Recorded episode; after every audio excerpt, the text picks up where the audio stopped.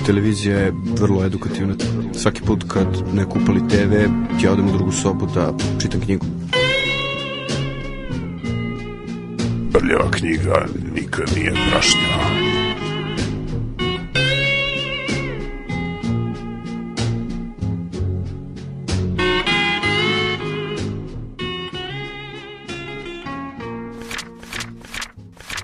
nešto. A sada na redovnu rubliku jedan pisac, jedna knjiga. Jeste, i danas, ovaj, danas imamo kao specijalnog gosta gospodina koji se zove punim imenom Alejo Carpentier i Valmont. Dakle, poznat kao jeli Carpentier ili Alejo Carpentier je bio veliki latinoamerički, preciznije kubanski romanopisac, filozof, eseista i muzikolog. Uh, koji je imao veoma, veoma veliki uticaj na latinoameričku književnost, posebno na ono što se često naziva takozvani boom, jeli eksploziju latinoameričke književnosti i on je bio otac u nekom smislu reči i semantički što se tiče same reči, a i filozofski i estetički onoga što se naziva magični realizam. E, Carpentier se rodio 1904. godine, znači na samom početku 20. veka, umro je 1980. E, i najveći deo života je proveo u raznim izgnanstvima i njegova je uopšte, mislim da je tako biografija ovako vrlo ovako interesantna, a i na neki način pomalo depresivna, pošto je Dakle, čovjek je bio prinuđen iz razno raznih razloga, uglavnom političkih, aj, da putuje čitav život. I, dakle, on je rođen originalno u Švajcarskoj, ni manje ni više, nego u Lozani, a onda se međutim neposredno njegova porodica se neposredno nakon njegovog rođenja vratila u Havanu, pa je onda posle, mislim, zove bio, nje, se njegov otac proselio malo u Francusku, pa je on, ovaj, gde je u Francuskoj on studirao i njegov uopšte razvoj se odvio velikim delom pod uticajem francuske kulture i francuskog jezika koji je predavao jedno vreme, pisao je, mislim, zove u francuskim novinama uglavnom. Uh, ono što je interesantno jeste da kad se u svojoj 20 drugoj godini je bio prvi put uhapšen, mislim, zove, znači, zbog a, suprostavljanja tadašnjem diktatoru na Kubi, Gerardu Mačadu i Moralesu. A, ovaj, I prvo je bio, mislim, zove, par meseci u zatvoru, mislim, zove, posle je bio u jednom iz nastupa, se vratio na Kubu, mislim, zove, za vreme drugog svetskog rata, pa se onda bio ponovo, mislim, zove, u progonstvu i tako dalje. Onda kada se nakon... A, Kastrove revolucije 59. se vratio, pošto je on nominalno podržavao, međutim nije mu se preterano svidelo ni ono što je video tu, jedno vreme je pomagao, mislim zove tu, dakle i osnova je osnovo izdavačku kuću, mislim zove u novoj mm, komunističkoj Kubi, međutim ovaj, nije mu se ni to nešto dopalo, onda je iskoristio prvu priliku da bude imenovan za kulturnog atašeja u ambasadi u Parizu i tamo je nakon od 1965. do smrti, mislim, zove 1980. živeo a, i bio jedno vreme i ambasador, mislim, zove Kube i tako dalje. Čovjek je dobio brojne, mislim, zove nagrade za svoje književna dela, on je a, e, na neki način bio, kažem, iako na neki način je, iako nije lično dobio Nobelovu nagradu književnost, prvi e, dvojica velikih dobitnika iz Latinske Amerike Miguel Ángel Asturias i Gabriel Garcia Marquez su mu se lično zahvaljivali, mislim zove kao jednom velikom učitelju i ovi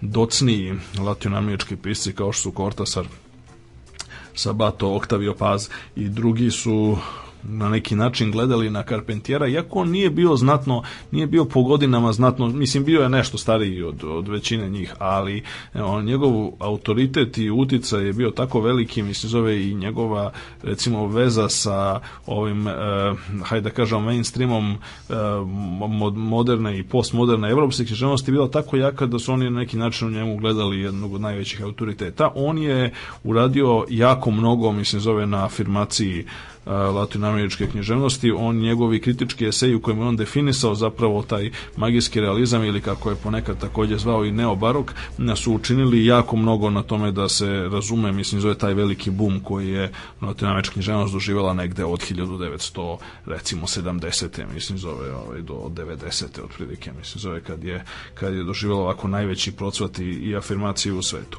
A, ima nekoliko njegovih velikih dela.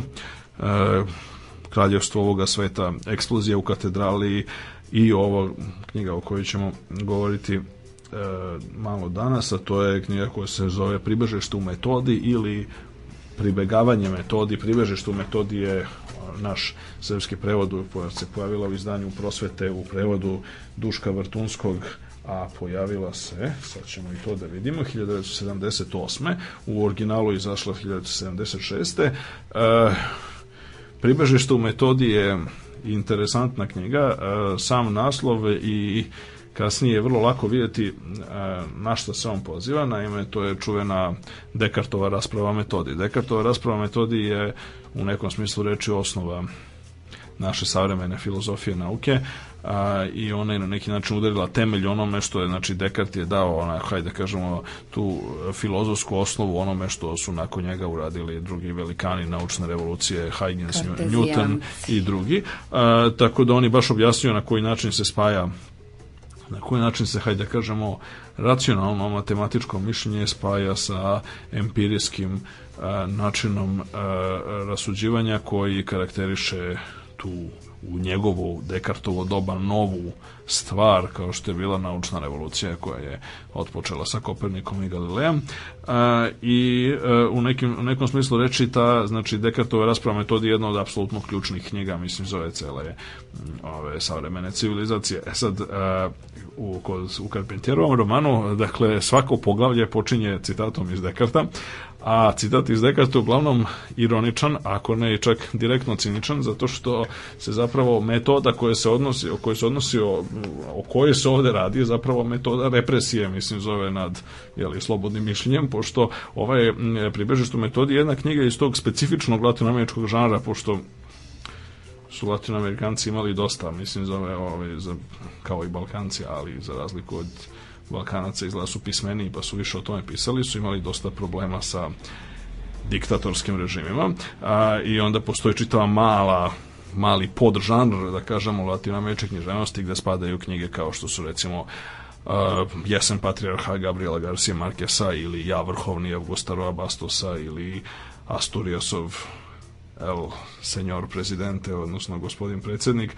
a, i između ostalog i to je ovaj Karpentjerova knjiga. A ova Karpentjerova knjiga je posebno interesantna po tome što ona baš dovela, mislim, zove tu karikaturalnu stranu, mislim, latinoameričke diktature do ekstrema, pošto e, veliki vođa, mislim, zove o kome se ovde govori, koji upravlja izmišljenom latinoameričkom zemljom po imenu Nueva Cordoba, odnosno Nova Cordoba, zapravo živi u Francuskoj o, i жили в такому nazurnoj obali i u Parizu i u tim modenskim krugovima, a ponekad samo ode u, ode u svoju zemljicu, mislim, eventualno da bi ugušio neku pobunu, mislim, da, ili da bi, ovaj, uspostavio, da bi, da bi uspostavio, mislim, za red i a, pritom se neprestano izražava na francuskom i poziva se, mislim, zove na, na ovaj, poziva se na francusku filozofiju, kulturu i tako dalje i tvrdi da on uvodi zapravo ovako francuske običaje, mislim, zove u te necivilizovane narode, mislim, zove koji, koji tamo žive.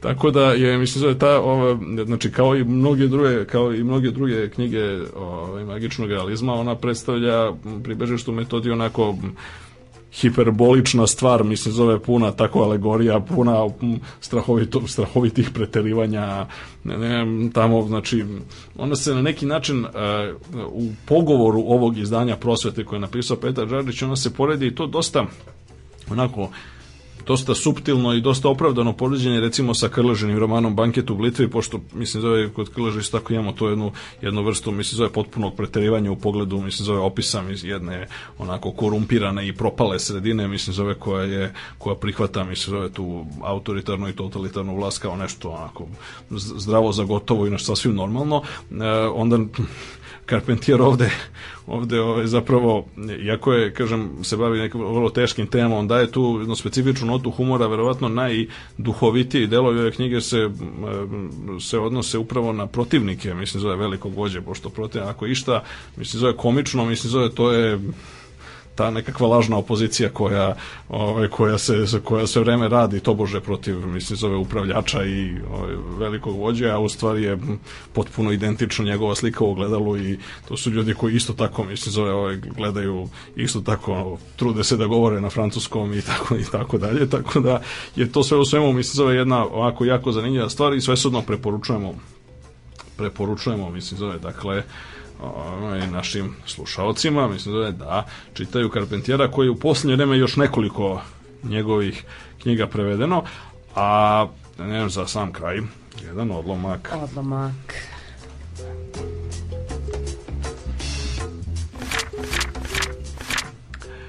Ministri Behu izvučeni iz kreveta telefonskim pozivima doktora Peralte da prisustvuju savjetovanju zakazanom za 8.30. Proveli su neprospavanu noć jer se zvanična večera produžila kod njih gde su popili svu silu digestiva, žutu isaru, zelenu benediktinku, šeri i brendi grimizne boje. Ali kafa će morati da smiri podrigivanje onih koji su još dremuckali. Kako su pristizali, stišući mentol bombone, oznojeni od progutanih tableta aspirina, razbistrenih pogleda od blagotvornih kolira, tako ih je domaćica Elmira uvodila u predsjednikovo okupatilo. Tu su oni davali oduška svojim negodovanju pred prizorom koji se pružao pred njihovim očima razbijeni porculan, razmrskana ogledala, staklene bočice i držač sa puno u komadićima po baricama kolonske vode. E, strašno, užasno, nesvatljivo. Pomislite da za malo, pa nisam hteo da uđem tamo. E, čule su se izjave dramatičnim tonom, pošto su svi posedali. Bojim se svoje vlastite srđbe, reče, izjavio je prvi upravljač. Zavlada teška tišina. Zatim dodade mirnije, sad moramo na posao, gospodo. Sekretar otvori sednicu dajeći objašnjenje o događaju, tačno vreme, okolnosti i tako dalje. Nekakav kapetan Valverde, šef istražne policije, pokrenuo istragu. Sinoć prilikom otvaranja predsjednička garda je premeštena u polukružnu dvoranu, a nadgledanje palate bilo je pravo govoreći nedovoljno. Osim toga, na stražarska mesta došli su neiskusni vojnici. Ipak, nijedno lice nepoznato posluzi i poverljivom personalu nije ušlo u zgradu posle smene straže. Sem toga napomenu predsednik, ono što je ovde u ovom kupatilu eksplodiralo nije od onoga što se može doneti u džepu. To je bila bomba postavljena iza kade već više sati, sa mehanizmom za navijanje. Nije reč o amaterskom poslu, već o napravi koju su načinili ljudi koji očigledno znaju da rade. Imaju razvijene metode.